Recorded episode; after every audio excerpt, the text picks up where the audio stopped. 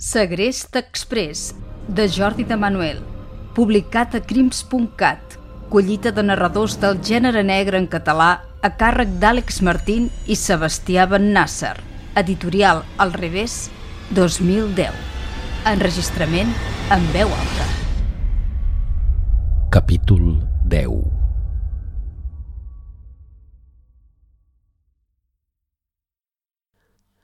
Què vaig fer? Que què vaig fer? Calia pensar i no precipitar-se. Em vaig tocar la barba postissa, que no m'havia tret en 12 hores. Fins aleshores jo continuava net. Pelat, sense un cèntim, però net. Ni ell, ni ella, ni ningú sabia qui era jo. Vaig sortir de les golfes i vaig tancar amb clau. Necessitava l'aire fresc del carrer. Feia un dia rúfol i caminava sense nord. Em vaig trobar enfilant la Rambla, aturant-me davant cada mim. Disfressats, quiets com estàtues. Admirava la capacitat que tenien d'aguantar immòbils i intentava trobar en ells la resposta al meu problema.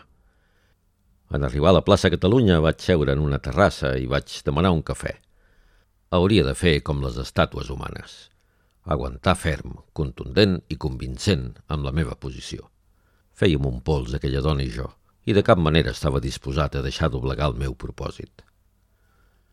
Van passar dos dies, tres. El Valentí Rius va entrar en un estat catatònic. Això sí, menjava com una llima.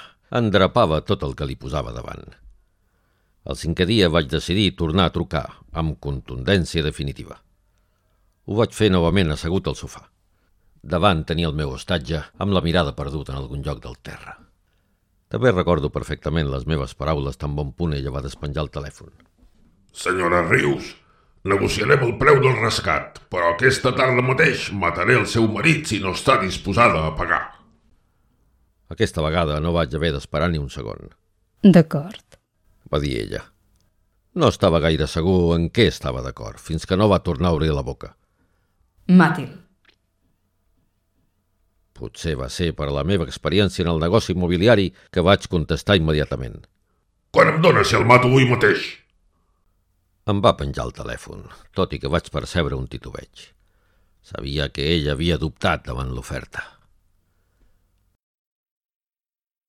Continuarà.